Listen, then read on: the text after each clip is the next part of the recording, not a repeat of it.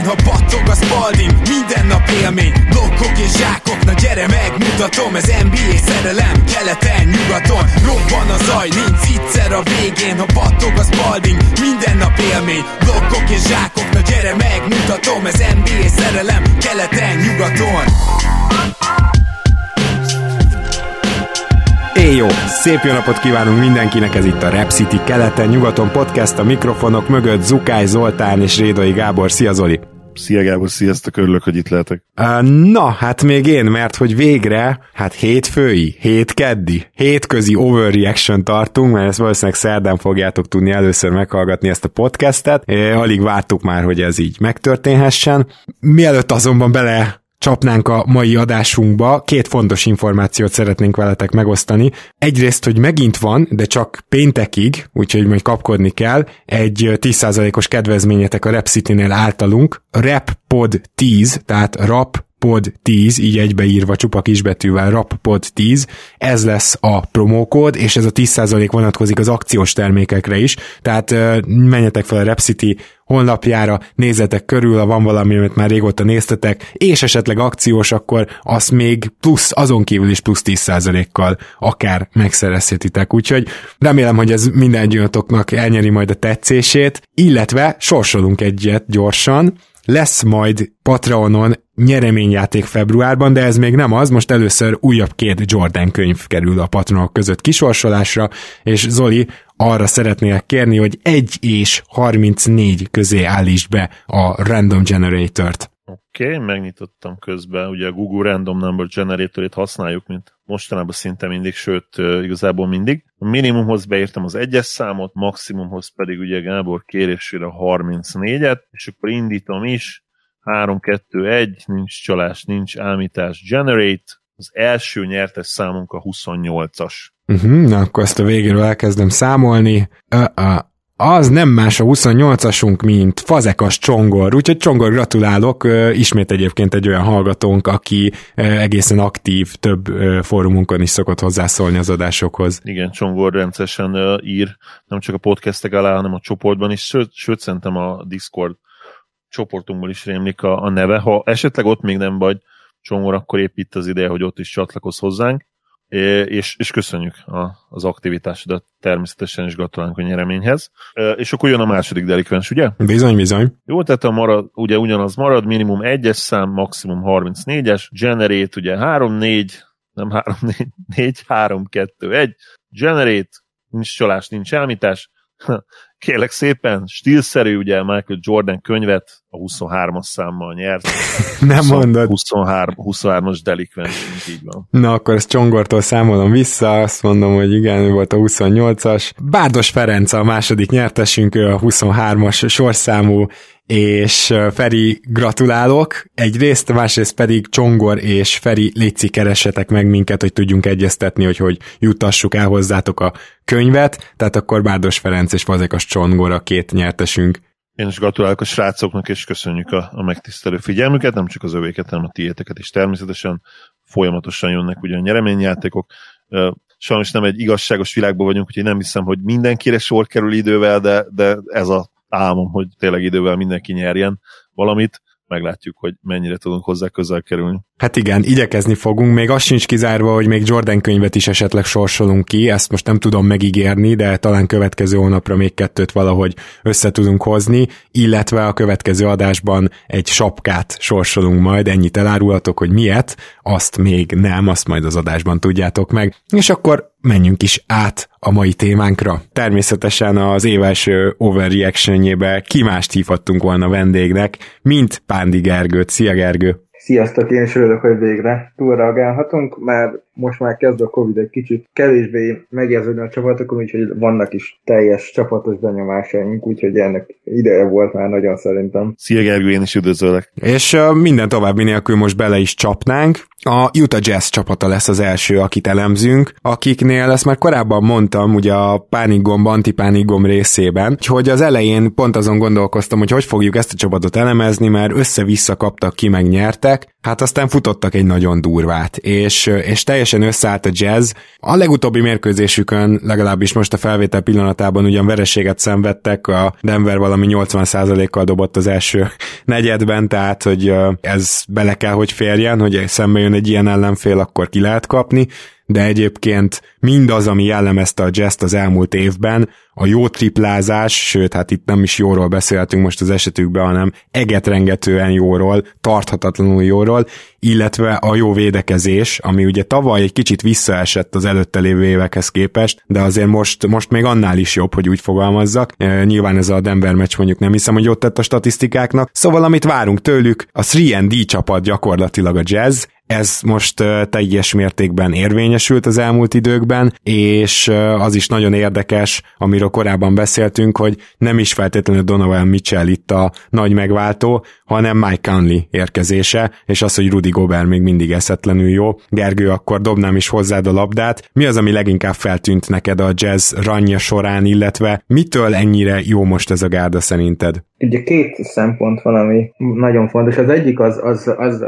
talán a tartatatlan kategória, hogy ugye nagyon durván sült a kezük tripla vonalon túlra, Január óta uh, egészen pontosan ez azt jelenti, hogy 17,8 ezer triplát dobnak meccsenként, és 41% adnak a tripla vonalon túlról. Tehát ez a bedobott a... tripla volt, nem a rádobott, ez gyorsan hangsúlyozzuk. Igen, ez a bedobott, és ugye a rekord az a Houston Rocketsnak a 19-20-as 16,13 triplája. Most, hogyha az egész szezonra tekintve is nézzük, akkor is ugye ez 17-tel, meg, vagy 17-et tud a jazz, hogyha a decembert is belevesszük, tehát ők egyelőre rekordot hoznak, és ez a 40%-os triplázás, ez egy nagyon durva szem, mert például amikor a Houston megdobta azt a 16,13-t, akkor 35%-kal dobtak. Úgyhogy ez egy, ez egy azért is egy nagyon érdekes dolog, mert egyébként Joe Ingleson meg Bogdanovicson kívül nincsen igazán jó triplázójuk, és ehhez képest dobnak ilyen jól. Ilyen Jordan Clarksonok szerintem nagyon túldobják a saját magukat, de Kanlinak is esnek,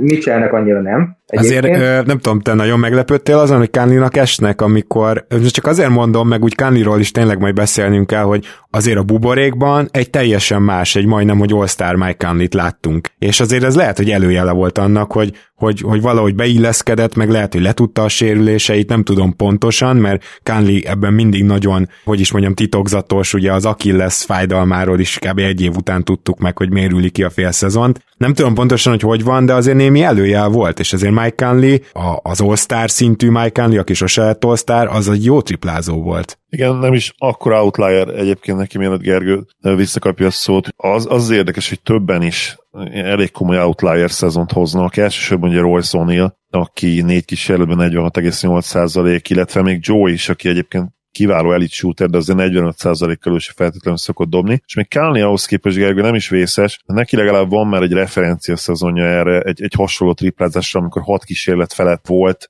és, és ugyancsak 40 kal dobott, ne, kicsit, kicsit alacsonyabban, mint a mostani 40,7, szóval ez még neki nem is akkor outlier, de nyilván azért a karrier százalékhoz képest, ami 37 százalék, még nála is ez, és igazából mindenki jól dobja tényleg, tehát az a Jordan Clarkson is, aki ugye tavaly hatalmas találmány volt, és a végén már mi is elhittük őt úgymond, mint, mint impact játékos, főleg értelmszerűen hatodik emberként neki ez a szeret nagyon jól áll. Úgyhogy uh, zseniális tényleg a jazz, amit csinál, és uh, nem, nem tudom azt nyilván, hogy, hogy egy 40%-os, vagy a majdnem 40%-os csapatszintű triplázás mennyire tartató. Valószínűleg nem. Igen, azért de, gyanús, de, nem. De még ha visszaesnek, ha idézésen visszaesnek 37-38%-ra, az is, az is az alapszakaszban biztos, hogy nagyon jól kellene, hogy működjön, és most ugye el tudták kerülni azt, ami rájuk általában jellemző, hogy nagyon rosszul kezdik a szezon, úgyhogy kíváncsi leszek, hogy, hogy hol tudnak végezni. Hát most már azért innen nyilván kicsit egyszerűbb, ugye lement 20 plusz meccs, lehet, hogy betippelnénk őket a, a top 3-ban most már különösebb probléma nélkül ezen a ponton. Igen, egyébként én is közelíztem, hogy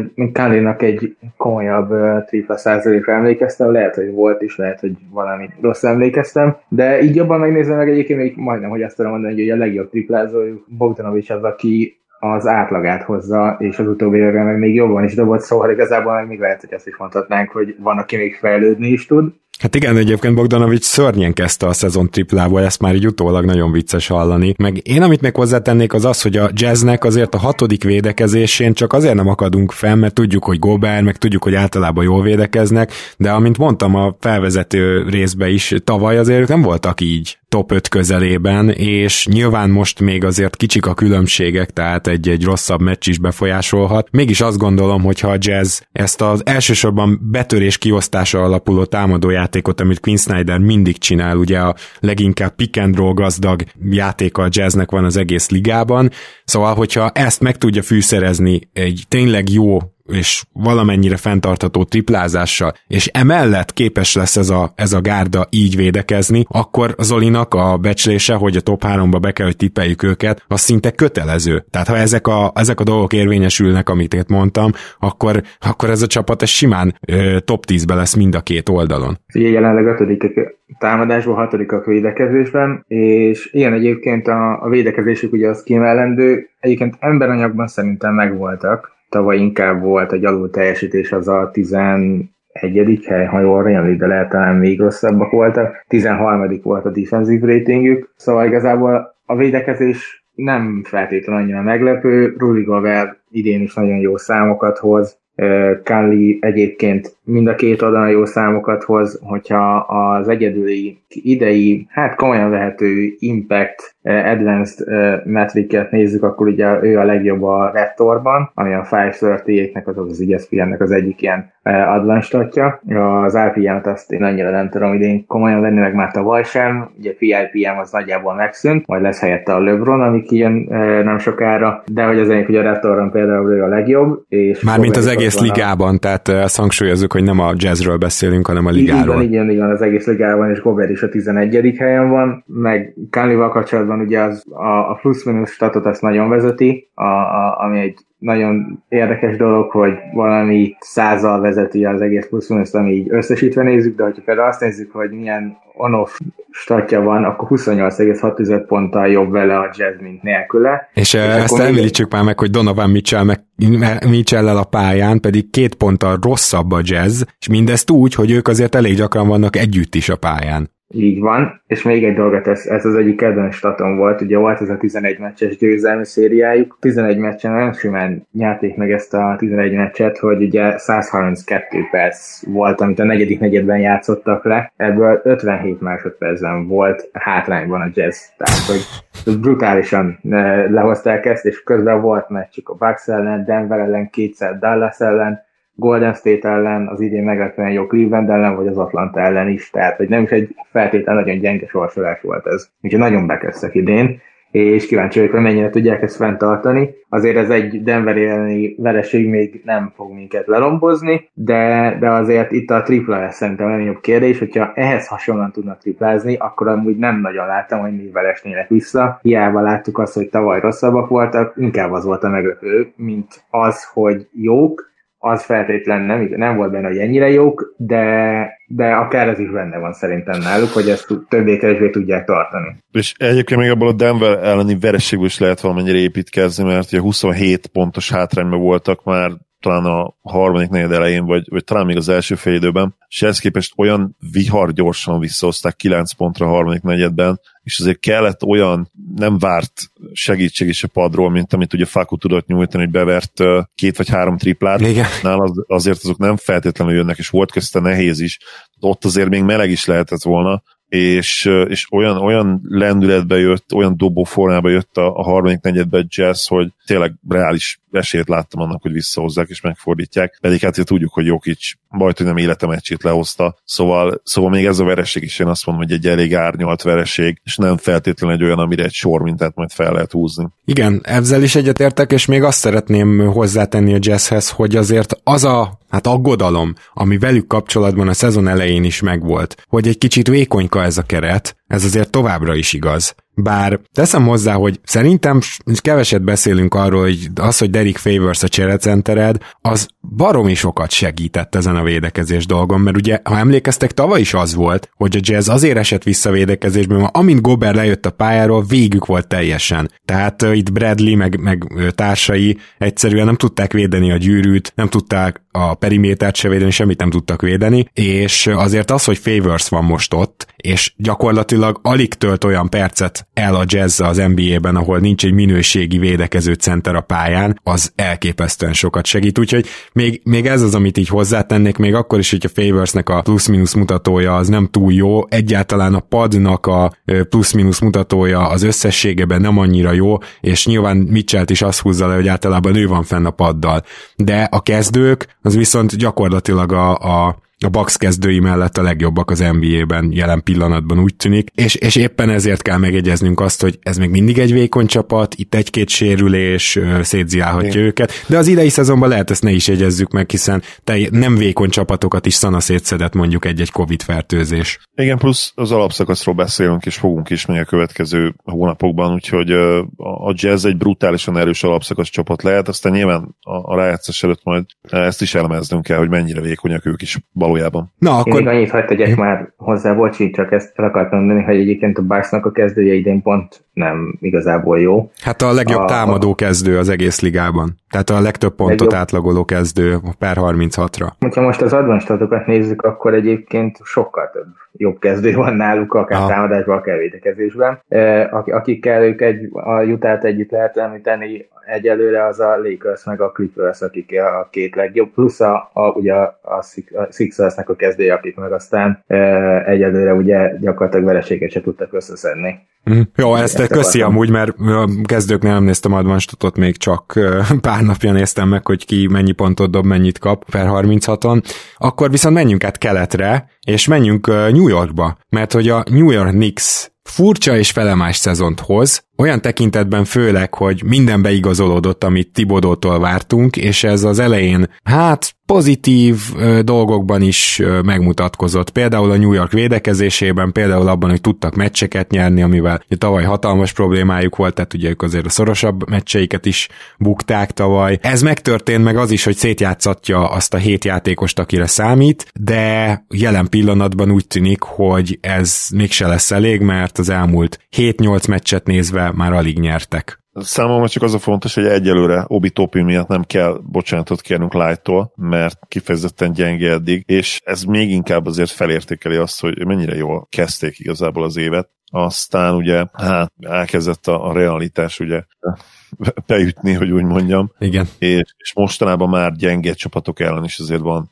jócskán vereségük, ugye most legutóbb a Bulls-tól kaptak ki, előtte volt vereségük ugye a Kings-től is. Szóval azért nem, azt, nem akarom azt mondani, hogy helyükre kerülnek, de, de az teljesen egyértelmű, hogy, hogy a támadójátékuk az egyszerűen nincs olyan szinten, hogy azzal stabilan mérkőzéseket lehessen nyerni, és akár 50%-os mérleg közelébe kerülni. Tehát én azt gondolom, hogy, a, hogy az alapszakasz végére azért a Knicks drukkerek elégedettek lesznek, mert ugye lesz a saját pikjük is, egyelőre hát a Mavericks pick az nagyon-nagyon jól néz ki, így finoman szólva is, úgyhogy, úgyhogy nyilván ez lesz a jobb út, út, de, de összességében azért kezd kijönni az, hogy na, teljesen egyértelmű over, overachieving történt itt az első hetekben részükről. Számomra talán a legizgalmasabb az, hogy a New Yorknak a legtöbbet játszatott játékosai val viszonylag jó a csapat. Tehát valóban RJ Barrett, aki egyébként idén sem valami hatékony, egy kicsit mondhatjuk, hogy előrelépett, de azért semmi olyan, amitől hirtelen ismét franchise player tehetségként tudunk rátekinteni, ebben inkább csak reménykedni lehetett az előző év alapján pláne, de, de még, még idén se gondolom, hogy olyan öles léptekkel ö, ö, megközelíti az osztárságot, szóval, szóval ennek ellenére RJ Bertel például 6 ponttal jobbak támadásban és védekezésben is a pályán, tehát az összesen már 12 pont, de azok a, azok a sokat játszott játékosok nem, nem ők rontják el, úgymond a New Yorkot. Randall is jók a pályán igazából, azt kell, hogy mondjam. Reggie Bullockkal is jók még a pályán, pluszosak, Quickly, akiről nem beszéltünk annyit, most ugye volt egy sérülése, abból visszajött és, és, és elég jól játszik. Még Mitchell Robinsonnal is, tehát hogy ezek a játékosok, ezek igazából valóban egy jó csapatot tudnak alkotni, csak aztán mondjuk jön a pad, és ez tök durva, mert ha megnézitek, akkor Tibodó ugye agyon játszatja ezt a, ezt a kezdőt, és a New York gyakorlatilag akkor kap ki rendszeresen, és nagyon, amikor abban a pár percben, amikor Tibodó hajlandó lecserélni őket. De a kezdő ugye konkrétan pozitív net ratinget hoz, egy egészen brutális defensív ratinget, pedig a legtöbb percet játszották idén a, az NBA-ben, a ötös line nézve, és 101 Pész, pész statokat tudsz mondani, Gergő? Jól sejtem, hogy 101 leg, leglassabban játszott csapatok. Biztos, hogy rohadt lassan. Az igen. is igaz, igen, 95,85-ös a pace ami nagyon uh, alacsony. Az Ennél na, alacsonyabb. 90 konkrétan 90 kosárlabda. Welcome to Tibodó. Ennél alacsonyabb pace egyébként a kezdők közül egyedül a Denveri kezdő tud felmutatni, és viszont ami a, nagyon durva az a defensive rating, tehát hogy 101,9, ez meg a legalacsonyabb az egész, tehát a legjobb az egész ligát nézve a kezdőket tekintve, és, és az, ahhoz képest, hogy a legtöbbet játszották, azért ez már egy kifejezetten komoly számnak is nevezhető, és akit én meg akartam védeni, mert Gábor most ugye belettet kis, eh, hát kicsit megdorgáltam. De leginkább azért, le, le, leginkább azért azt mondtad, hogy hogy nem olyan sok minden látszik belőle. Ő most itt azért nagyon összekapta magát. Az elmúlt 11 meccsen úgy átlagol 20 pontot, hogy a mezőnyből 50% felett dob, 40% felett triplázik, és ami meg a legnagyobb pozitívum szerintem vele kapcsolatban, és ezt már az egész szezonra, sőt a preseasonra is nézhetjük, hogy a büntetőzés egyre jobb, ezen a 11 meccsen már 83 százalék, de egész szezon néző is 76 százalék. Mondjuk volt honnan javulni, ezt tegyük hozzá, mert... Volt, volt, persze, de, de azért e- ebben, ha el tud indulni, az azért sokat fog jelenteni ránézve, és hát azért még mindig csak egy 20 éves játékosról beszélünk, úgyhogy én még azért őt nem írnám le. Immanuel Quickly pedig jó esélye beindult, szerintem akár, hogyha megkapja a lehetőséget, akár a Rookie of the Year szavazásnál is felmerülhet a neve, hiszen az utóbbi meccseken egészen elképesztő statokat hoz. Azt meg, amilyen floater játéka van ennek a srácnak, hát az egészen hihetetlen. Szerintem tavaly mondtuk, hogy Trae Young-nak van nagyon jó játéka, nekem az idei uh, Quickly floater játék még jobban tetszik, Hát meg milyen távolról dobja el a flótereket, az ilyen kuriózum szerintem, tehát hogy ő nem csak a gyűrűtől, mit tudom, két méterre ereszti el, hanem szinte kis túlzással büntetővonalról simán flóterezget. Így van, és, és például ezt, ezt látszik, hogyha a közvetlen gyűrű közelében 56 míg a 3-tól 10 feetig ott is 48%-a dobja, ami ugye a legrosszabb része, de abban látszik, hogy a floater játék az neki nagyon megjelenik. Az elmúlt meccseken már megkapja a bizalmat, azért Tibódótól kiharcolta, és ennek megfelelően például, hogyha most itt az elmúlt 5 meccsét megnézzük, akkor 20,6 eh, pontot átlagol, 3,6 asszisztal, egészen brutális dobóhatékonysággal, illetve még azt kell hozzátenni, hogy például neki a büntetőzése az egy olyan dolog, ami arra predestinálja, hogy neki még a tripla is be fog indulni. Most sem feltétlenül rossz, ugye ezzel a 36%-kal csak kevés kísérlettel, de ez még akár még jobb is lehet, hiszen idén eddig a büntetőzése az úgy néz ki, hogy 52 vállalásban 49-et bedobott, szóval egy igazán biztos kezű shooternek tűnik, Úgyhogy nekem az egyik legnagyobb pozitívum. Obi Topin kevésbé, de nek azért volt egy sérülése. Viszont a Beret Quickly páros miatt én kifejezetten jónak látom az idei nix és szerintem nagyon elégedettek lehetnek már ezzel a szezonnal is. Mitchell Robinson cserébe én kevésbé kedvelem idén, szerintem neki sokkal nagyobb potenciálja mutatkozott az első évében, pláne, mint amit idén is látunk, vagy akár tavaly is.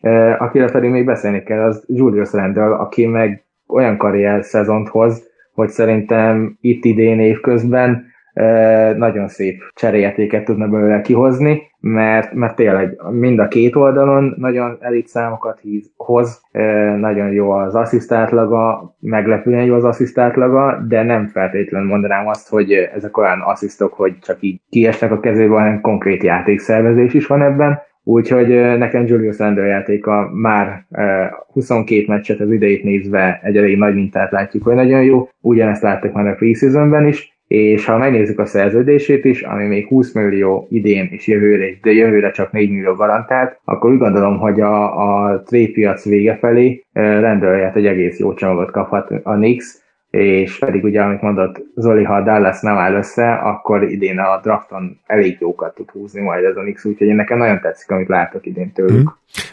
Két nagyon rövid dolog, aztán passzolom Zolinak. Az egyik az, hogy Berettet természetesen csak mint franchise playernek a, a, a reményét húztam le. Én is látom, hogy fejlődik, csak, csak még mindig nem merném rámondani, hogy ú, igen, ebből franchise player lesz. Tehát csak így kell érteni azt, amit mondtam. A másik pedig, Zoli, egy kérdéssel fordulnék hozzád, és így dobnám a szót, hogy most elnézve azt, hogy ez a kezdő, ez milyen jól muzsikál, hogy tudnak védekezni, illetve az, hogy Tibodó nagy valószínűséggel a földig játszatja őket, tehát hogy ha, ha ez a kezdő jól muzsikál, akkor ez jól fog muzsikálni 10 meccs után is, mert akkor is ők fognak játszani. Elképzelhető, hogy egy 50%-os csapat lesz szerinted idén a New York? Mert azért az már vaskos meglepetés lenne, azt gondolom mindannyiunknak. Szerintem nem. Tehát az 50% az nincs benne, ugye jelen pillanatban már négy mérkőzéssel vannak az 50% alatt, 9-13-as mérlegük van, úgy, hogy, azért leszállóákban vannak, bár valóban egyébként azt hozzá kell tenni, hogy, hogy R.G. Barrett, akit ugye mi nagyon-nagyon szerettünk a középiskolai éve alatt, Gábor emlékszel, mm. Maple Jordan-t, ugye, hogy, hogy most ad olyan jeleket pályafutása során először, hogy tényleg NBA játékos lehet belőle, ami nyilván önmagában csalódás, mert az elejétől ezt vártuk volna, de mégis azért nagyon-nagyon pozitív, hogyha, hogyha le tud, és ez kicsit nyilván leegyszerűsítés a dolgoknak, de hogyha le tud rakni egy ilyen 10 meccses sorozat, sorozatot, amit Gergő szépen körülírt, akkor, akkor lehet, hogy abban benne van 15 meccs, 20 meccs, hogyha 20 meccset le tud játszani, akkor 30 meccset is, és a 30 meccset akkor talán benne lehet egy szezon is, ha meg egy szezon is, akkor tudjuk, hogy, hogy talán még, még, még van remény arra, és ez furán hangozhat, de ugye azért a, aki a második évében is kutyaütő, abból nagyon ritkán szokott azért igazán jó játékos lenni. Tehát én nyilván nem azt nem írnám le RJ Berettet, mint, mint potenciálisan jó rotációs NBA játékos, vagy akár kezdő, de ahhoz, hogy, hogy legyen esélye úgymond sztárrá válni, ahhoz szerintem idén kell látnunk egy, egy nagyon-nagyon nagy futás legalább, ugye. Olyan, olyan azért már volt sokszor, nem tudnék konkrétan egy nevet sem mondani, de biztos vagyok benne, hogy volt, hogy, hogy valaki az újonc évében nyilván gyengusz volt, a második évében se látszott, hogy nagyon fejlődött, és mondjuk az All-Star szünet után egy nagyon erős futással zárták az évet, és az már úgymond előjele, előszele volt annak, ami következik majd. Neki is legalább valami ilyesmit kell csinálni, de nyilván még ideálisabb lenne, hogyha, hogyha tartaná ezt a formát. És rendről pedig statisztikailag egészen durva, akkor konkretizáljuk is, hogy milyen átlagokat hoz. 22,4 pontot, ami karrier átlag, bocsánat, karrier csúcs, 11,1 lepattan, ami masszív karrier csúcs, és ami a legdurvább karriercsúcs eddig, hogy, hogy szinte megduplázza az eddigi legtöbb szezononkénti átlagot, asszisztját hattal mérkőzésenként, ami, ami brutális, és hát igen, védekezésben ugye tudjuk, hogy boxkostatok tekintetében tekintetében ő borzasztó kutyaütő. Nagyjából jó helyen tud lenni jó időben, de ugye nulla rim protection, nulla labdalopás, tehát neki nem jó a keze, nem jó az agya. Meg a besegítő védekezése úgy unblock. Besegítő igen. védekezése úgy unblock, igen. Ő nyilván ebből a szempontból soha nem lesz jó, de ahogy Gergő mondta, ez, ez a 22 pont, jó lepattanózás, majd hogy nem elit lepattanózás, és, és nagyon jó playmaking, azért, azért valamit érhet basszus, és ráadásul ezt ugye viszonylag jó hatékonysággal egy 58%-os TS-et csinálja, szóval én is kíváncsian várom, hogy ki és mit hajlandó adni azért, azért a csávóért most. Igen, és ráadásul Endre a csábóra mondta, nem is tudom, talán Májer Gyuri vagy Tóth Attila, hogy, hogy jövőre megkapja a Whiteside féle minimum szerződést, ugye? Nem is tudom. Én, nekem is rémlik valami ilyesmi. Igen, ott, igen, ott, igen. Ott, ott azért most nem tartunk, igen. Nem, most nem, nem, nem most nem ebbe az irányba megy rendül. Most nem is persze az adott szakértőt szeretném cikkizni, mert mi is adásonként mondunk egy ilyet, amit már két hét utánánk lehet sütni, hogy mekkora baromság volt. Tehát... Sémán, Hát ugye nem, nem, nem, nem ellene mondom, csak, csak azért az így eszembe jutott.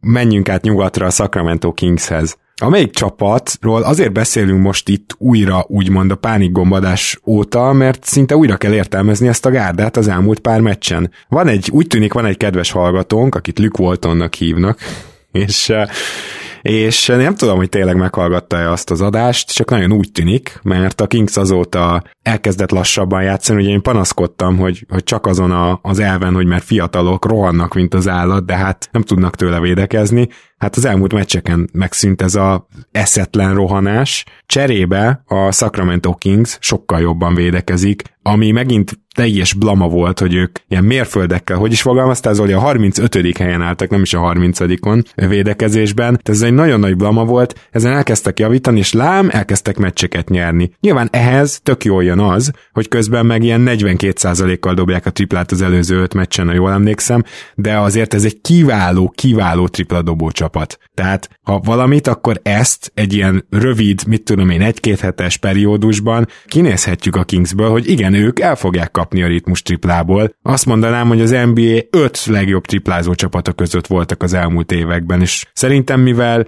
Bogdanovics helyére Halliburton érkezett, ez most sem változott annyit. Nyilván mondjuk Beglivel ez a, ez a szekció gyengült.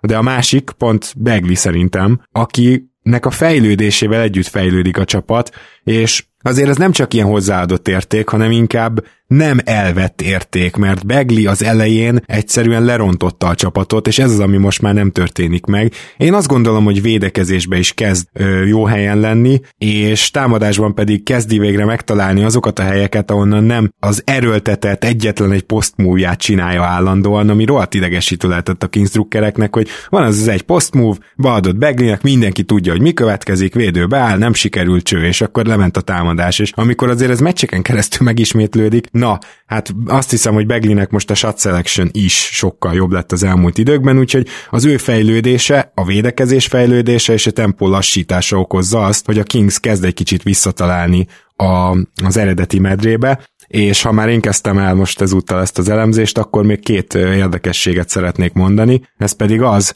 hogy Rashun holmes a pályán 22,3 ponttal jobb ez a Kings. Tehát gyakorlatilag kijelenthetjük, hogy Rashun Holmes az, aki, hogyha pályán van, akkor ez egy százszor jobb csapat, mint amit a mérlege mutat, viszont azokban a percekben, amikor ő lejön, teljesen darabokra esnek. És akkor így ezzel lendülettel adom is tovább Gergőnek. Igen, ugye a Kingsnek az évelei kezdése az gyakorlatilag úgy lehetett összefoglalni, hogy a legjobban támadó csapat az volt, a képen velük játszott, és az utóbbi öt meccsen ez kicsit normalizálódott. Nem volt egy egetverően erős a sorsvonásuk, de azért négy-egyet lehoztak ezen, és az egyedüli meccs is, amin kikaptak, ugye a hit ellen volt egy egypontos vereség, szóval igazán ez egy nagyon jó sorozat volt nekik. A védekezésük is ugye most, hogyha ezt az öt meccset nézzük, a 13. helyre feljött, amiben tényleg van szerepe annak, hogy belassítottak. Ha a pace nézzük, akkor 98-ra lecsökkent, az előtt ilyen 102-es pace játszottak, ami egy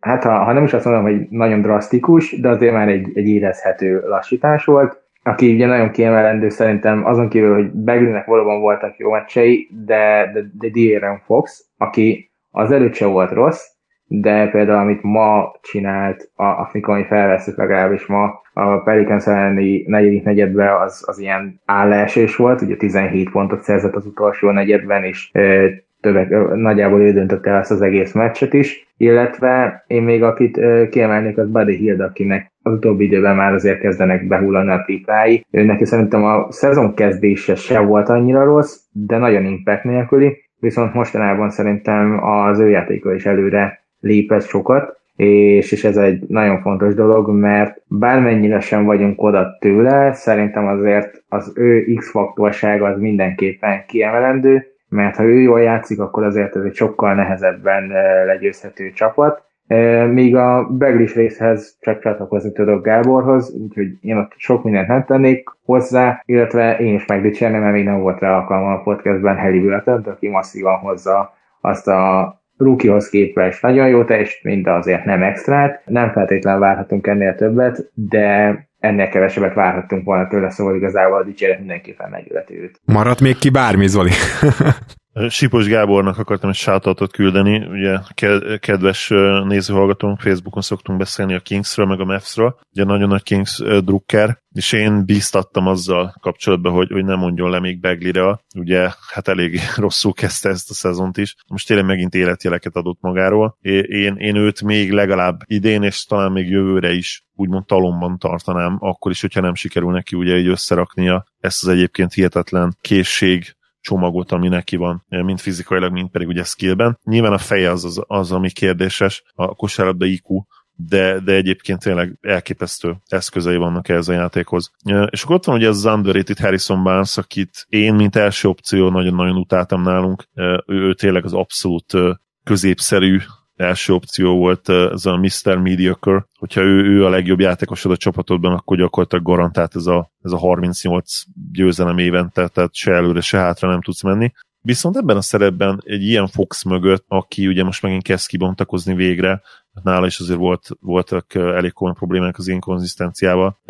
Így már egész más azért egy Harrison Barnes. Második, harmadik számú opcióként ugye ketten nagyon jól csinálják ezt a, ezt a 2 per A, 2 per B dolgot Buddy Hill-del, aki hát úgy döntött, hogy oké, okay, akkor ha már itt maradtam, akkor, akkor elkezdek játszani. És, és egyébként ő egy, ő egy olyan célpont lehet, például a Mavericks-ennek, ha már ugye felhoztam őket, ami, ami érdekes lehet, mert ő, ő maga kijelentette, hogy nagyon szeretne a többek között az egyik csapata, ahol szívesen játszani, ugye a Mavericks, és nekünk nagyon-nagyon kéne most shooting, úgyhogy kíváncsi leszek itt is, hogy mi a helyzet. A Kings következő hetekben kellene eldőlnie annak, hogy, hogy merre, merre indul ez a szezon, ugye februárban, március közepéig, hogyha át tudnak fordulni, és, és 50% fölé tudnak menni, akkor bármit kinézek ebből a csapatból. Nyilván bármi alatt azt értem, hogy akár play is juthatnak. Mm én helyről. Egyébként, ha azt nézzük, hogy hol lehetnek, hol lehetnek bennük még tartalékok, nyilván Halliburton meccsről meccsre fejlődik, ami nagyon-nagyon jó. Én, én egy idő után valószínűleg beraknám őt a, a kezdőbe is, és Buddy-t hatodik emberként játszottam, ha és amennyiben ugye Buddy erre hajlandó, nem vagyok benne teljesen biztos. igen. Hogy, hogy, hogy ez jól sülne el, igen. És hát Foxnak tényleg ezt kell tolnia, amit, amit mostanában elkezdett, a, az a fránya büntetőzés, azt egyszerűen nem értem nála, mert tényleg ott, ott, ott, ott egy picit benne van a saját fejében, ahogy mondani szokták kint, és, és egyszerűen nem tudja azt hozni a büntetővonalról, amit, ami igazán benne lenne. Na akkor menjünk át keletre, és foglalkozzunk egy kicsit az Atlanta hawks amelyik hihetetlen hullámvasút szezont tudhat maga mögött, viszont azért van egy nagyon érdekes, szerintem levonnivaló tapasztalat, hogy az a helyzet, hogy ide valóban kellett Capella. Capellának a gyűr gyűrűvédése, illetve a pattanózása, és egyébként ezt egybevetjük collins tehát az, hogy mondjuk Capella Collins szedi a támadó meg védő pattanókat, az úgy tűnik, hogy nagyon sokat segített a védekezésükön, és ugye alapból úgy mentek neki a szezonnak, hogy nem csak mi, hanem nagyon sokan, akik beszéltek róluk, azt várták, hogy igen, ez egy elit támadó csapat lehet, de hát a védekezésük. Hát nagyon is az ellentétje igaz eddig. Ez egy elég jól védekező csapat, vagy mondjuk belőlük kiindulva meglepően jól védekező csapat, de hát a támadásuk. De hát az, az nincsen annyira ott, pedig potenciálban néha villantanak, tehát néha egy-egy 140 pontos meccset elkapnak, mondjuk a Brooklyn ellen kínálm, ezt tegyük hozzá, tehát hogy nekik is ugye a Brooklyn ellen sikerült, azt hiszem átlépni ezt a határt. Szászónak is egy a vége, az Atlanta védekezése az egyik legnagyobb meglepetése eddig a szezonnak számomra. Igen, és ezzel együtt szerintem majdnem, hogy az is mondható, hogy a, a támadások is majdnem akkor a meglepetés egyébként, ha nem is a, valóban az, hogy a 9. legjobb defensív ratinget hozzák, az, az egy nem várt fordulat, és én, akit leginkább kiemelnék az ugye Capella ebben, a, amit ugye te is mondtál, de, de hogy csak ehhez kapcsolódóan mondjuk egy statisztikát, ővel egy, a csapat defensive rating a 102-es, nélkül a 113-as, tehát ezért az egy brutális visszaesés jelentkezik, ahogy ő leül. Ugye ő nagyon komoly blokkszámokat is hoz, és például pont most hajnalban is, amikor meg a, a lakers kaptak ki egyébként egy szoros meccsen, akkor is az látszott, hogy, hogy amikor Capella fent van, akkor ez egy teljesen másik csapat, védekezésben legalábbis, és egyébként támadásban is azért Ray elég jól tudja használni a magas embereket, ezt szerintem mindenki tudja. Akit még nagyon fontos kiemelni, az, az DeAndre Hunter, aki a tavalyi nem tragikus, de azért nem egy per négyes szinten lehozott rookie szezonjához képest idén, hát egy egészen elképesztő lépést csinált. Azon kívül, hogy szerintem védőnek már, már tavaly sem volt rossz, főleg ahhoz képest, hogy ruki volt. Idén ez talán még inkább igaz, és támadásban pedig pedig egy nagyon komoly előrépést csinált, ugye minden százaléka gyakorlatilag felugrott, 50 százaléka felett van mezőnkből, a tripla százaléka és 37 százalék pedig egész sokat triplázik, 88 százalékos a büntetőzése, és 17,2 pontot átlagol, amit Réjeng után a második legjobb, tehát jobb, mint amit John Collins átlagol, és lehet szerintem simán érvelni amellett, hogy a hogy például támadásban ő a második legjobb opciója a csapatnak, amit azért nem feltétlenül láttunk volna, és a másik oldalról viszont, amit ki kell emelni negatívként, az az, hogy Cameron is bár jól védekezik, például ma is LeBron egész jól megfogta, hát őnek is sajnos sikerül alulni a tavaly tragikus szezonját is, ami a százalékokat illeti, tehát hogy ez, ez, ez viszont egy elég csalódást keltő dolog az Atlantánál, és majd még Triangle akarnék beszélni, de azt majd azért, hogy ne egyfajta engem halassatok, azt majd a következő körbe elmondom, mert, mert egy, egy elég furcsa szezonja van neki szerintem egyébként. Na, nagyon furcsa, szerintem még Zoli is készült ezzel, úgyhogy eh, én át is dobom neki a szót, csak annyit akartam még hozzáfűzni, hogy ne menjünk el szó nélkül amellett, hogy John collins is baromi jók védekezésben a pályán, pedig John collins és Capellát nem mindig játszatják együtt,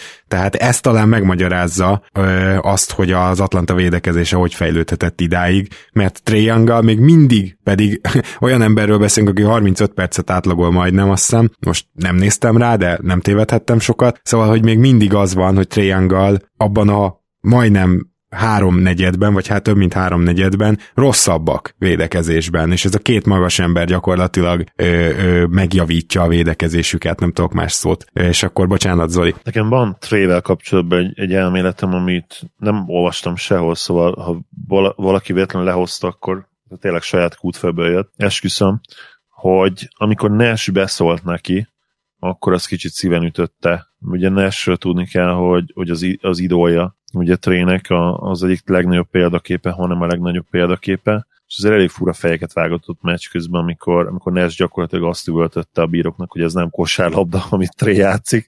Nem biztos, hogy feltétlenül ezt akarod hallani a, a példaképet, még ha nyilván tudjuk is, hogy a meccs hevében mondta ezt Nash, és nem feltétlenül arra gondolt természetesen, hogy Tré nem egy ragyogó fiatal játékos, hanem ugye a falt szerzés módjára, ami hát minimum kérdőjeles, de legalábbis a bírók szempontjából azért nehezen fújható, és, és ez is okozza azt, hogy, hogy trade időnként 18-szor áll oda a vonalra, máskor meg idézőjelesen csak 7-8-szor, ami nála azért a, ugye a normál átlag lenne, de ezek a 17-18-as meccsek nagyon-nagyon megdobják az ő átlagait. És egyébként én azt mondanám, hogy, hogy azért nagy rész ezek ki, ki, kiharcolt, kiérdemelt faltok, mert azzal például, amikor, amikor lefékez, bevárja gyakorlatilag a védőt, hogy leütközze, nekem nincsen semmi problémám, ezt már többször mondtam, több játékos is csinálja ezt a ligában, trénél nagyobb testű játékosok is. És pont Na, ezért egyébként Trae sokkal feltűnőbb, mert tudod, amikor mondjuk, hogy Doncsics csinálja ezt, de tudnék még 20 példát mondani, egy Kyle Lowry is dupla akkorának tűnik, mint Trae az a helyzet, tehát hogy nyilván az nagyon feltűnő, amikor egy ilyen véznacsávó csinálja ezt a trükköt. Igen, és, és pont ezért, hogy ő hajlandó, hajlandó azért beáldozni a testét, úgymond, és, és időnként bizony feküdni a földön, uh-huh. hogy kiharcolja ezeket a büntetőket. Én, én inkább megemel, megemelem a kalapomat előtte, nyilván hozzátéve, hogy akkor épp a te csapatod ellen csinálja, és odáll a 16. büntetőre a harmadik negyedben, akkor azért lehet, hogy nem őszinte a mosolyot. Meg ugye, amiről beszéltünk, hogy ez a büntető kiarcolós díj, ez valószínűleg olyasmi lehet, hogy a, azért a bírók között is elterjedt, hogy oké, okay, Young idén azért ezt mesteri szintre kezdi emelni, mert az első négy meccsen vagy öt meccsen kiharcolt átlagban azt hiszem 13-at, tehát hogy valami elképesztő durva volt, aztán elkezdték konstans nem fújni, illetve akkor volt érdekes módon ez a John Collins Young összecsörte is, és utána jött is a, a vereségszéria, és nem tudom, hogy hát ez ilyen nagyon bulvárosan fog hangzani, nem tudom, hogy ők kibékültek el, vagy, vagy hogy számít a csapatkémiában az, hogy ezen a krízisen túljutottak. Nem igazán szoktam én ilyen okokra hivatkozni, tudjátok, jól ismertek, kedves hallgatók, de ebben az esetben azért mégiscsak ez a csapat alapvetően Trey Young és John Collins ö, csapata. Nyilván így van kommunikálva is a csapat felé, ö, az elmúlt évekből is ez következik, az ő viszonyuk biztos vagyok benne, hogy meghatározó a franchise életében, és valószínűleg a mutatott játékban is, úgyhogy azért itt ezt szerintem nem hülyeség elővenni, mint ahogy arról is majd kéne beszélnünk, talán nem ebben az adásban, hogy John Collins, aki egy 90 milliós hosszabbítást visszautasított, szerintem teljesen érthető módon, mert ugye tele lesz pénzzel a 21-es piac, és hát nem lesz olyan sok jó free agent, mint azt mondjuk két éve gondolták a csapatok, de miután ezt visszautasította, még be is szól a főnöknek úgymond, vagy, vagy a legjobb játékosnak, hogy, hogy a, a Hawks vajon vajon hogy fogja kezelni ezt a szitut, ezt majd meglátjuk. Gergő, mi az, amit még hoztál esetleg Triangal vagy az Atlantával kapcsolatban? Igen, ugye arra akartam pont kitérni, amit egyébként Zoli mondott, és elhiszem saját tudhőből volt, de egyébként erről voltak is cikkek, hogy miután Steve Nash mondta ezt a That's Not uh, Basketball, utána esett vissza nagyon a büntetőzés és a játéka is Triangnak, ugye mondta is, de egyébként ez mostanra visszatért, és amit mondott Gábor, hogy az első négy meccsen 10, egyébként nem 13, hanem 15 büntetőt átlagolt. Azt azért hozzátenném, hogy most itt erre megint nagyon-nagyon durván rákapcsolt az utóbbi 8 meccsen, most megint 13 büntetőt átlagol, így éves szinten 100 labdabirtoklásra vetítve ez egyébként 15,1 büntetőt jelent, ami jobb, mint James Hardennek bármikor, Úgyhogy, hogyha nem lenne Joel Embiid 16,9-es, akkor azt mondanánk, hogy ez, ez ilyen történelmi szintűn van, de, de Joel Embiid azért ezt még inkább úgy néz ki, hogy fel akarja tornászni. És viszont amit én kiemelnék Younggal kapcsolatban, az az, hogy egyrészt valószínűleg azért is meg Capella, meg Collins védekezésben idén nagyon sokat segít neki. Idén nem a liga legrosszabb védője, és ez nála már egy jó dolog ott van a legrosszabb 20-ban, hogyha advanced statokat nézünk, de, de nem a legrosszabb, és nem annyival rosszabb, mint tavaly volt, tehát például nem annyira rossz, mint mondjuk idén, és ezért majd ne vegyék le a fanyaik a fejemet, mint Lilárd, aki idén egészen brutálisan rossz védőszámokat hoz. De amit én kiemelnék Triangle kapcsolatban, és ami miatt szerintem hullámzik a játéka, és ezért nagyon sokszor a triplájára van például utalva, és nagyon kevéset, ezért van, hogy többször kevés az asszisztja, az az, hogy amit idén Quickly-nél már kiemeltem, az a floater játék, amit tavaly Youngnak volt a, a, a legnagyobb fegyvere talán, na az idén többé-kevésbé eltűnt. Nagyon durván visszaestek ott a számai. Tavaly a floater részről, tehát itt ami nem feltétlenül a gyűrűnél van, hanem még a festék, vagy a, e, is a trika vonalon belülről, ugye nem is tudom, hogy hogy kéne ezt a sávot meghatározni. Nagyjából a festéknek a, a, a hatótávja, igen. Igen, ott ugye tavaly 45,5%-kal dobta a kísérleteit, idén ez visszaesett 36%-ra, ami pedig már azért egy elég rossz százalék, tehát ennél jobban dobja a triplát, és éppen ezért ugye ez a, akár a loboknál is feljön, mint probléma, hiszen kevésbé kell oda segíteni, hogy nyilván oda segítenek, mert tudják, hogy milyen, de volt már láttam olyat, hogy inkább azt védték, hogy tudták, hogy nem fog még egyszer megpróbálkozni ezzel, hanem majd úgyis eléjükre teszi fel, illetve éppen ezért van az sokszor, hogy a triplájára van rákényszerülve, mert mert ugye ő neki nem, nem lehet az lehetőség, hogy ő majd bemegy és így szerezik a méretei miatt, és ezért van az, hogy nagyon sokszor tényleg a triplájától függ, hogy neki milyen ö, pontszerző estéje van, ö, és például ez e, emiatt van az a, a hullázás is a játékában, hogyha megnézzük, akkor van, hogy nagyon sok pontot szerez, van, hogy nagyon visszavesz. E, és ugye mivel hogy a tripla azért nem feltétlen tényleg nem egy streaky shooter, de a tripla nem mindig ülhet, még, még Steph curry sem, akár mondhatjuk, de, de így, hogy nincsen meg benne az a játék, az a floater játék, itt tényleg nagyjából attól függ, hogy mennyire tud ő triplázni, ha pedig nem tud triplázni, akkor a játékos társait kell kiszolgálni, amire meg szintén a floater játék, amiatt néhányszor visszaesés van, de például pont ma a Lakers láthattuk, hogyha ha igazán érzi ezt a kettő-kettőzést, a pick and roll játékot, akkor viszont ebben is tud megállhatatlan lenni, még úgy is, hogy pontszerzésben például ma pont nem alkotott nagyot, de ugye mellé kiosztott 16 asszisztot, aminek szerintem 10 körül lehetett, ami konkrétan zsákolás volt. Uh-huh. Tehát, hogy ez egy, ez egy nagyon fontos szempont, és ezt a floater játékot ezt azért is kell nézni, mert ez, ez nagyon sokat elvehet Riengnak a zseniális támadó játéka, hogyha ez nem fog visszatérni arra az egyébként néha-néha már transzcendensnek tűnő floater játékra, amit ő már tavaly hozott például. Hát igen, de meg kell egyezni, mert egy egész szezon át hozta. Igen. igen. Itt szerintem azt is egyébként meg kell említeni Trey kapcsolatban, hogy jelen pillanatban azért túl nagy teher hárul rá. Ez nem feltétlenül látszik egyébként, a, hogyha megnézitek a négy legjobb pontszerzőt, mert, mert így is egész jól megosztanak a terhek, de hozzáveszik azt, hogy Gallo és ugye Bogda két legnagyobb nyári igazolásuk gyakorlatilag csak a meccsek, meccseik felén tudtak eddig játszani, akkor, akkor azért egyértelmű válik, hogy, hogy még sokkal könnyebb lehet a Youngnak ugye a, a helyzete, illetve a hierarchián belüli helye, és még hatékonyabbá válhat majd, illetve a Hawks is azért lényegesen jobb támadó csapat lehet majd Gálóval és Bogdával, mert jelen pillanatban ebből a szempontból hát kicsit, ha nem is feltétlenül annyira szűkek, de, de legalábbis lehetnének sokkal-sokkal mélyebbek, és itt, itt egyértelműen várok majd előrelépést. Védekezésben egyébként szerintem nagyjából tudják majd tartani ezt a, ezt a middle of the road, milyen 14.-15. hely környékét. De te most, bocsánat, most még ugye feljebb is vannak, most top 10-ben vannak, ha minden igaz, de... Igen, de azért igazad van, tehát a realitás nem a legrosszabb esetben szerintem ugye tartatják a top 15-öt. Igen. Az mert oké, okay, Gáló ma már azért kifejezetten rossz védő, tehát ő lehet, hogy picit elvesz majd belőle, de úgyis lehet trükközni a line az nem lesz akkor a probléma.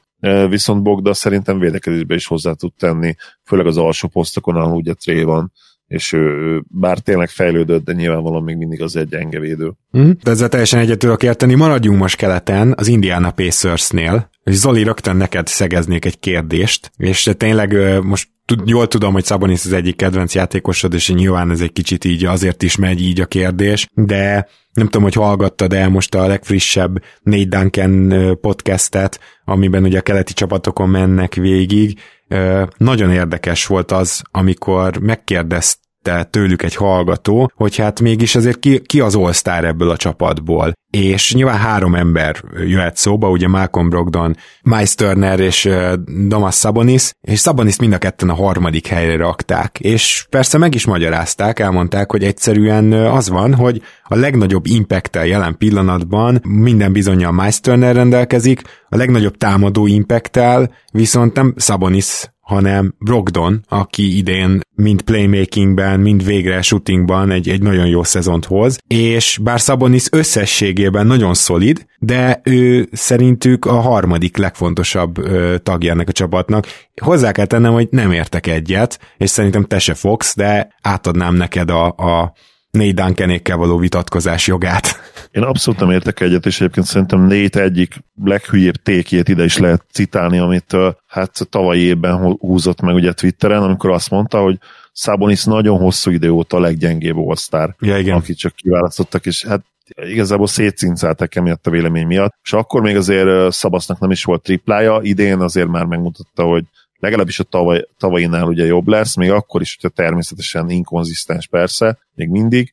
Én se értek egyet, abszolút nem értek egyet. Közel van nyilván, tehát Sabonis nem érte el azt a superstar szintet még, mint amire esetleg a szezon elején lehetett számítani. Szezon elején egyértelműen jobb volt, és egyértelműen a legjobb szerintem Pacers játékos volt még akkor is, hogyha igen, ha, ha lebontod esetleg külön a játékot ugye elemeire, nyilván a gyűrű levédésébe persze, hogy nem lehet ő a legjobb, nem ő a legjobb passzoló, nem ő a legjobb uh, scorer sem, talán bár lóposz scorerként nyilvánvalóan ő a legjobb. Tehát valószínűleg semmibe se a, a legjobb, vagy nagyon kevés dologban a lóposz scoringot leszámítva, de, de mégis összességében egy olyan csomagot ad úgymond a Pacersnek, ami, ami rajta kívül szerintem senkiben nincs meg. Senki sincs olyan szintű 2 impacten, és senki sem olyan szintű 2 játékos a, a rossz terem, mint ő.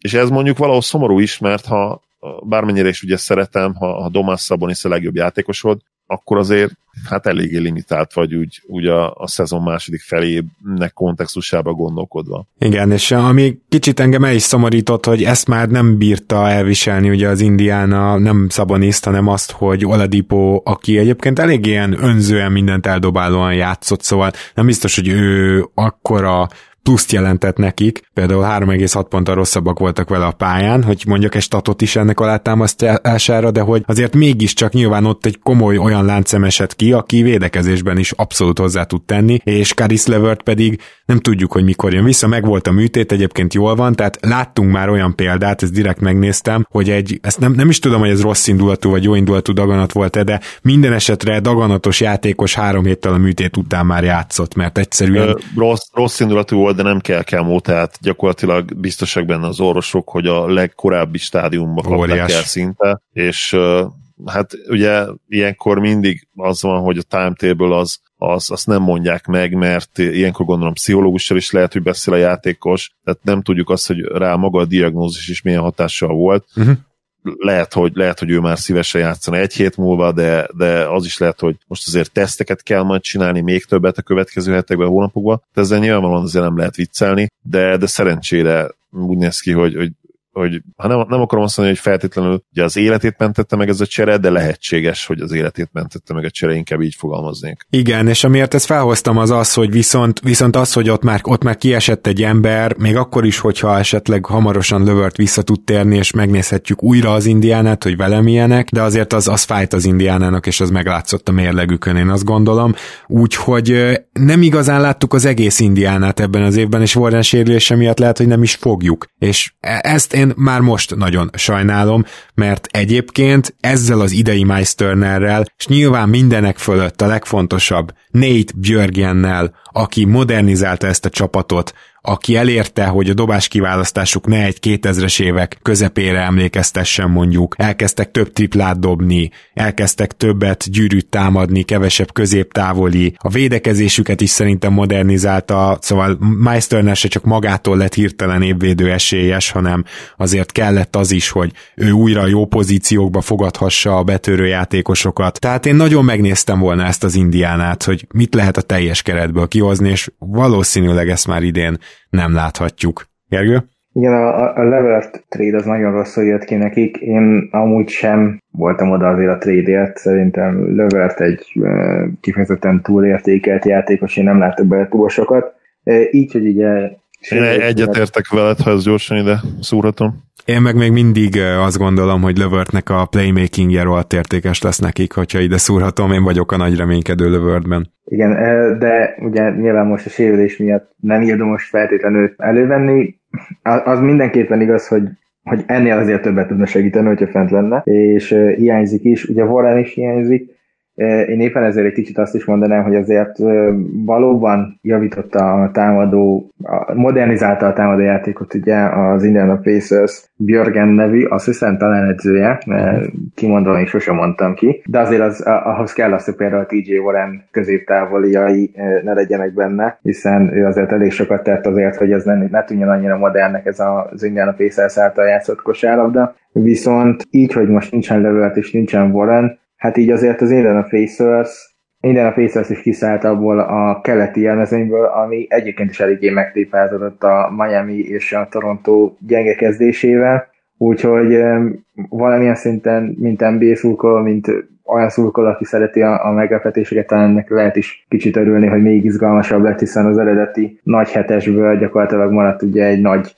hármas, vagy négyes, négyes, igen, a Boston, Sixers, Nets és a Bucks, és utána pedig teljesen nyitott gyakorlatilag az egész keleti mezőny, de most nem feltétlenül keletről kellene beszélni, amit én még el akartam mondani az az, hogy Miles ennek a védekezése az a blokkok ellenére szerintem idén túlértékelt, és ezt én akkor is tartom, hogyha mindenki más azt mondja, hogy talán a Defensive Player of the Year címért is mehetne, szerintem négy blokk ellenére sem e, igazából kiemelkedő az az infektje védekezésben, hmm. és nagyjából a többit igen meg elmondtátok a pacers kapcsolatban. Ez a hagy vitatkozzak meg, Gergő, hogy viszont mi az, ami, amire azt mondod, hogy, hogy, hogy, hogy emiatt nem egy, én nem azt mondom, hogy az advanstatokat vagy az on-off mutatókat nézve brutálisan kiemelkedő, de, de azokban is azért jó védőnek tűnik meglehetősen. És hogyha hozzáveszed azt, hogy ez a csapat most jelenleg Szabonisszal a pályán nem annyira tud védekezni, és ez a két magas ember azért együtt is fenn van, és lehet, hogy nem is Szabonisznak a problémája ez, hanem ugye a két magasos felállásnak. Én azt hiszem, ha ezt is beleszámítom, akkor reális az, hogy ő idén egy kiemelkedő védekező évet hoz. Szóval kíváncsi vagyok az indokaidra, hogy miért nem. Advastatok alapján egyébként jó védőnek látszik. Én nem tudom, egyébként lehet, hogy most az én, nem nagyon so, nem szoktam feltétlenül mindig a szememre támaszkodni, én pont nála látom azt nagyon sokszor, hogy, hogy túlsegítés ezzel kárt okoz, de lehet, hogy ezt egyébként én látom rosszul, úgyhogy nem feltétlenül kell azt most komolyan venni, amit én mondtam, hogyha a számokat nézzük, akkor valóban jó, nekem, nekem valamiért sose hozza azt az igazi defensív impactet, mint mondjuk egy, hogyha egy Gobertet nézek, vagy egy, akár egy Embiidet, uh-huh. hogyha őt veszük. Hát mégis ezzel valamennyire azért egyet tudok érteni. Jeremy Lamb is a pályán van, Zoli, nem tudom, hogy meg akartad említeni esetleg, hogy, hogy egy komoly sérülésből azért visszajött ő is, és hát most kell is, mert kisé, kisé ugye a sérülések megtizedelték őket.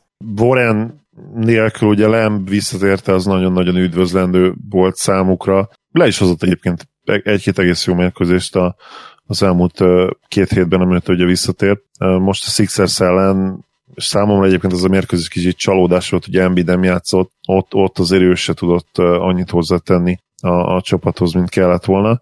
Majd, hogyha beszélünk egyébként a Filiről, nem a mai, mai adásban, de később, akkor mindenképpen ugye Tobias Harrisről fogunk beszélni ki, aki megint csak lehozott egy szenzációs meccset. És uh, még annyit akartam mondani, hogy arra lennék kíváncsi, hogy, hogy ti hogyan osztanátok fel most keletet, mert én megmondom őszintén, hogy, hogy nem nagyon tudnám eldönteni, hogy akkor, hogyha tírekre lebont, vagy az első tírenben hány csapat van, de lehet, hogy az, hogy a, jelen pillanatban a Boston se rakhatnám be, de ott nyilván azért, ott azért elég jó alibiük van erre. Jelen pillanatban kettő csapatot raknék be, nyilván a 76ers és a Bucks, de, de valószínűleg a Celtics-et venném még hozzá, viszont abban nem ők biztos, hogy a Brooklyn Nets-et is. Annak ellenére ugye, hogy például egy verességgel van neki kevesebb, mint a Bucksnak. És akkor ezt a, a sérült Pacers-t sem már. Nem, hát attól, igen, tehát a, hogyha, hogyha most az első tírről beszélünk, akkor oda semmiképpen nem. Nyilván a, a Toronto is ugye azért, hát ha, ha mutatja is, ha mutat is életjeleket, az azért kezd eldőlni, hogy contender ez a csapat idén szerintem nem lesz, vagy nem is, nem is tudom, minek kéne történni ahhoz, hogy ez, hogy ez így legyen, lehet, hogy nagyon jó cserének. És az Atlanta meg még valószínűleg fiatal, ott meg kéne várni, hogy a két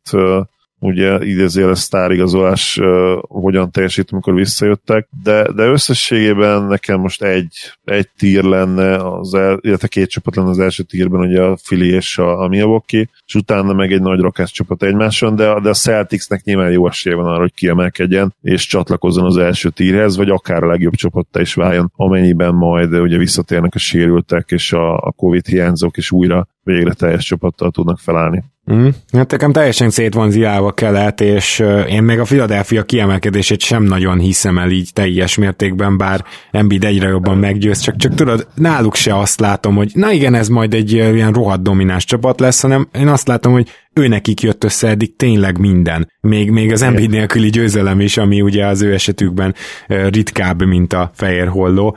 És... Szerintem tényleg, tényleg csak a Jazz és a Clippers, akire rá lehetett fogni eddig, hogy dominánsak, meg a Lakersre azért, mert a Lakersnél mindig bedobhatod azt, hogy ők igazából fél, fél gőzzel csinálják ezt az alapszakaszt, és őszinte lehet, hogy van is benne valami igazság, de, de keleti csapatban én sem nagyon látom most feltétlenül azt, hogy el is státuszú lehet még akkor is, hogyha például azért a playoff eh, potenciáját a, a Filinek én magasabb a tagsála, mint a jazzét, de hogyha most alapszakaszra szólítkozunk, akkor, akkor nyugat, nyugaton vannak az igazán ö, eh, olyan csapatok, akik, akikre esetleg rásütetjük majd, hogy elit alapszakaszt le tudnak hozni. Tudnak annyira kiegyensúlyozottak lenni ebben az egyébként nyilvánvalóan borzasztóan handicapes évben, szóval lehet, hogy tényleg egy bazi nagy csillagot az egész alapszakasz mellé oda kéne rakni lassan, mert, mert hihetetlen, de, de mondom, most jelen például csak nyugati csapatból látom ezt, ha egyáltalán. Gergő? Igen, én pont ezért a, a, a handicapes év az, az, az mindenképpen igaz, e, ezért nagyon nehéz az alapszakaszról bármit mondani. Én két tírbe venném az a, a, a keleti csapatokat, van az első négyes, és én nem vennék ebből a Netset sem, meg a Celtics-et sem, a Sixers és a Bucks mellett. Azért nem, mert például a Bucksnak is, hogyha megnézzük idén, akkor két pozitív csapat elleni győzelme van, az évelei borzalmasan kinéző Golden State ellen, meg a ma hajnali McCallum és Nurkis nélkül játszó Portland ellen. Egyik se az a klasszikus pozitív mérlegű csapat. A, a többi pozitív mérlegű csapat ellen kikaptak, kikaptak ugye gyengébb csapatoktól is, tehát egyáltalán nem meggyőzőek, ugyanúgy, ahogy a net sem. A, a másik négyesben pedig benne lenne, és ebben változott meg, hogy szerintem a Pacers, a Raptors és a Heat lecsúszott egy, egy azonos tírbe az Atlanta hawks és akkor így, így lenne neki egy, ez a nyolcas. De amit egyébként mondod, Zoli, hogy mennyire meg kell csillagozni ezt az egész alapszakaszt, az egy legjobb példa például a Lakers, akiket én eléggé képbe vagyok vele kapcsolatban, és pont ma néztem, hogy tök jól nézni ki, meg lehetne ezzel így felvágni igazi uh, Lakers rajongóknak bárkinek, hogy az idei eddig uh, 15 győzelmük, nem 16 győzelmükből 9 is pozitív mérlegű csapat ellen jött, csak közben meg ebből a 9 győzelemből kettő például a Jamorant elleni Memphis ellen jött, mert ő... Jamorant nélküli. Igen, vagy Covid által sújtott csapat ellen, akikből keresően voltak, vagy például volt kettő győzelem még a Harden csere előtti teljesen széteső Houston ellen, akik ugye már most már megint pozitív mérlegben vannak, tehát hogy pont azért, mert nagyon, ne, nem mindig ugyanaz a csapattal játszol, ezért igazából azt se lehet mondani, hogy például a strength of schedule az igazán számítana, hiszen a Philadelphia elleni győzelemnél is, például amikor a Denver nyert ellenük, akkor hatan játszottak, vagy heten a, a Sixersből, és azt mondanánk, hogy a keleti ércsapatot a Denver megverte, hogy ez egy nagy skalp, közben meg egyáltalán nem volt egy nagy skalp, hiszen gyakorlatilag alig tudott kiállni a pályára a Sixers. és, és, és emiatt ugye nehéz igazából megmondani, hogy most akkor melyik győzelem mennyit ér. Ebben egyébként egyetértünk, és nyilván ez az, amiért idén nem tudjuk annyit nézni azt, hogy konkrétan milyen csapatokat vertek meg a, a, az adott gárdák, amiket vizsgálunk. Na, de akkor befejezésként még Houstonba gyorsan utazzunk el, ahol nem kell olyan túl sok meccset elemeznünk, mert hogy egy teljesen új Houston-t láthatunk a pályán, amelyik nem tudom, hogy még ma is igaz-e a statisztika, de két nappal ezelőtt a csere óta a legjobb védekezést produkálta a ligában.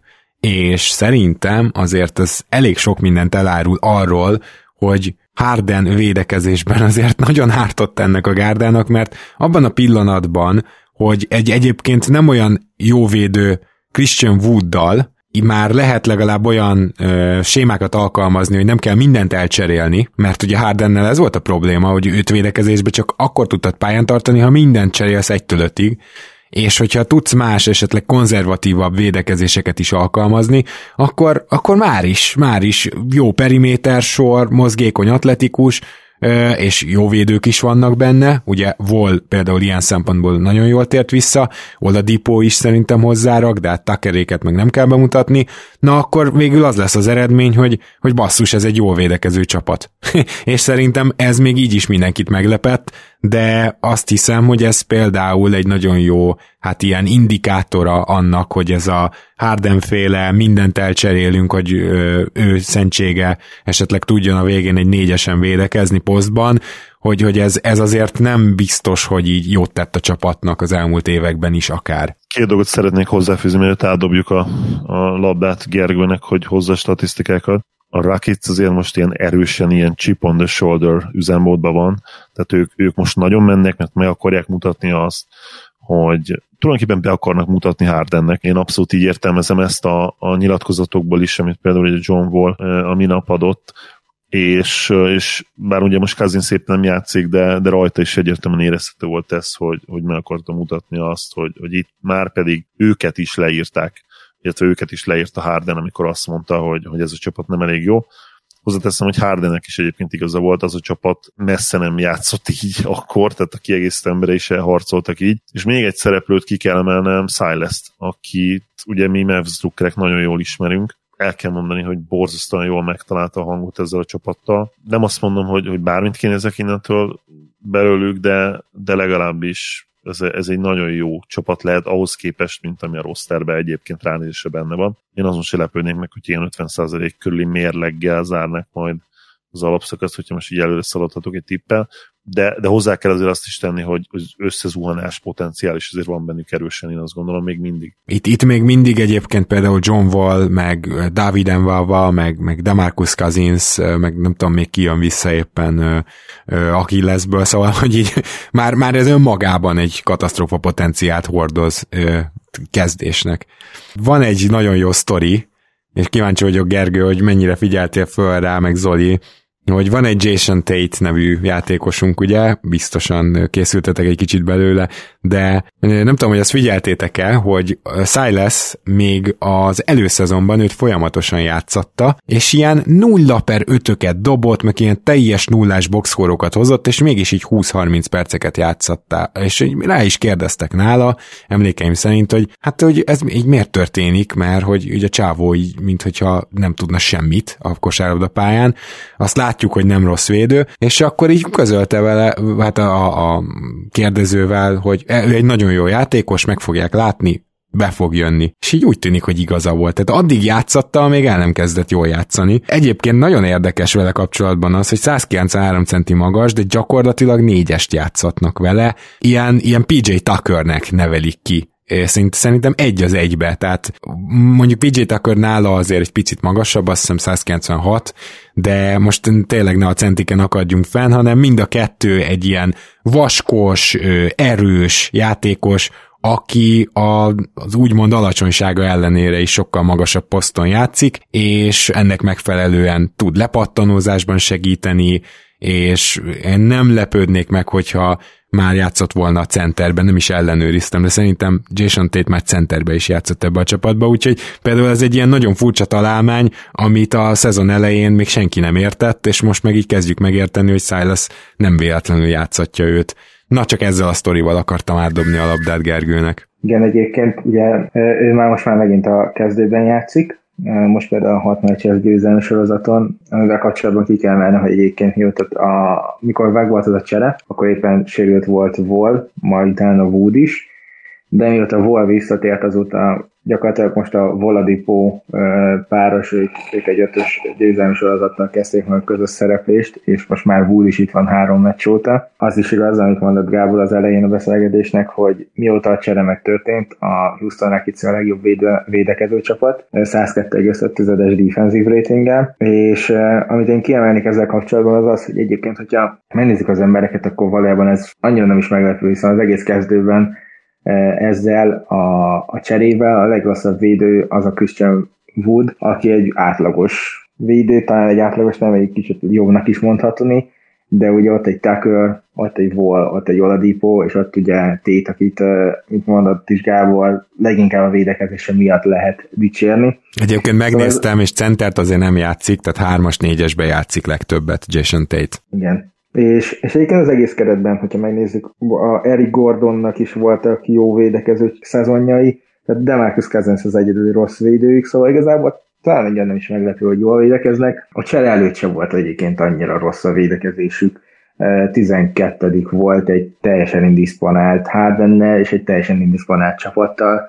Úgyhogy most már szezon szinten a harmadik helyen állnak a defensive ratingben egyébként, én azt mondom, hogy talán a top 5 az reálisnak is tűnhet, hogyha mindenki egészséges marad. Mindezt úgy mondva, hogy azt mindenképpen ki kell menni, mindenki egészséges maradnál, hogy a Demarcus Cousinsnak szerintem nem túl sok ideje van már az NBA karrierjéből.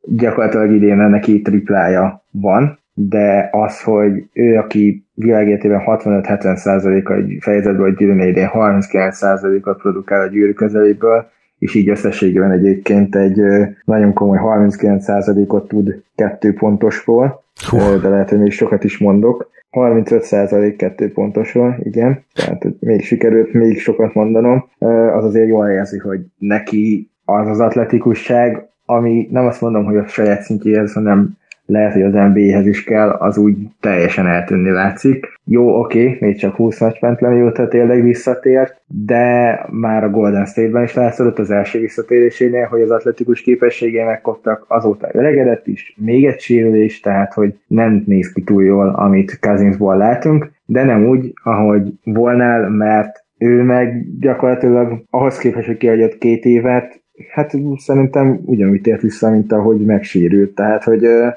a, a, ez a visszatérés, ez egy olyan visszatérés, mint amilyet mondjuk Durantnél is szoktak mondani. Nyilván Durant egy magasabb szintről esett ki, mint volt, de mind a ketten úgy tértek vissza, mint hogyha mi se történt volna, ami egyébként amellett, hogy Kazinszról most pont hoztam egy rossz példát, de azért jól jelzi, hogy az orvostudomány is elég sokat fejlődött, hiszen mind a ketten egy elég komoly sérülésből térnek így vissza. Jó, bármi más még a Houstonnal kapcsolatban, Zoli? Nem jut eszembe.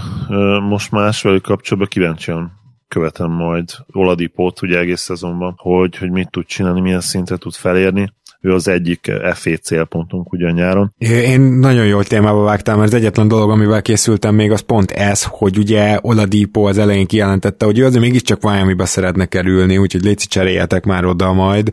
És azért én, én azt gondolom, hogy ha Houston most esetleg egy jó következő tíz meccset is lehoz, akkor, akkor nem fogják azt keresni, hogy hogyan cseréljék el még Oladipot, mert ugye ebben a szezonban nem akarnak tankolni, hanem a következő szezonban akarnak tankolni, ha, ha minden igaz, aztán le- lehet, hogy ez a csapat egyszerűen egyáltalán nem akar tankolni, független attól, hogy épp megvan-e a pikje, vagy nincs, de mégis ezt is nézzük már meg, hogy hogy hogy van ez az egész, hogy a Houstonnak most vajon megéri-e, ha mondjuk ez csak tényleg egy ilyen felvillanás volt, egy ilyen Kabbe Harden egy ilyen kapd be Harden, akkor, akkor, hogyha mondjuk most nagyon leromlanak, akkor viszont megéri-e majd szétcserélni a csapatot, ugye Takert és Oladipót például elcserélni, akár Gordont, hogyha lesz rá jelentkező, mert top 4 védett a pikjük, tehát azért ahhoz nagyon-nagyon le kell romlani, hogy, hogy ezt realitássá válhasson. Mert azért lássuk be, hogy itt a ha, ha még, még hogyha be is sikerül mondjuk tankolniuk magukat az alsó négyesbe, az se sok mindenre garancia, az új Latteri Systembe ugye gyakorlatilag 7., 8., 10. helyről simán bemehetnek eléd. Szóval én nem, nem tudom, elég kockázatos történet ez, viszont közben meg ott van a 2021-es draft, amin azért nagyon megéri majd mostani tudásunk szerint top 5-be húzni.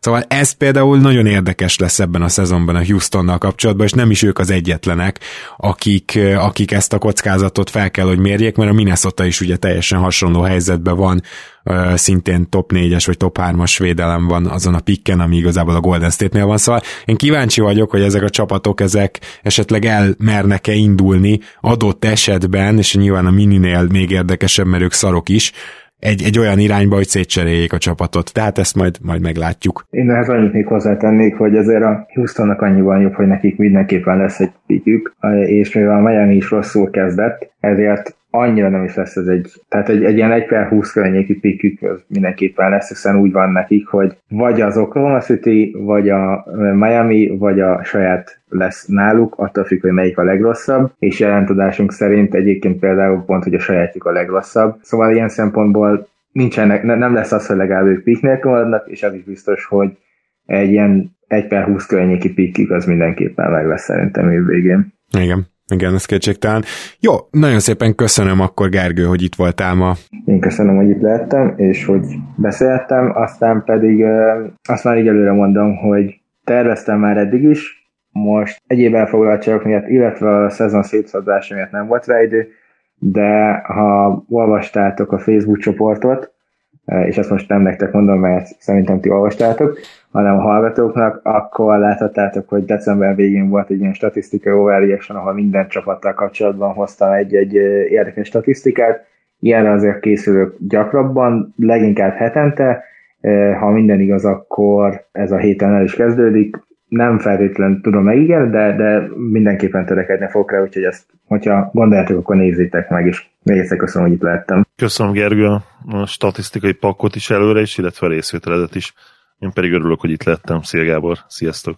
Kedves hallgatók, jövünk majd, mégpedig, hogyha minden igaz, akkor hamarosan lesz egy Patreon postaláda, úgyhogy kaptunk már kérdéseket, de akkor azt még most gyorsan küldjétek, illetve már a jövő héten is természetesen újabb hadcsapatot nézzünk meg az Overreaction-ben, úgyhogy nálunk is így beindul nagyban az alapszakasz, hogy más nem mondjak. Addig is minden jót nektek, tehát ezen a héten még valamikor jelentkezünk. Sziasztok!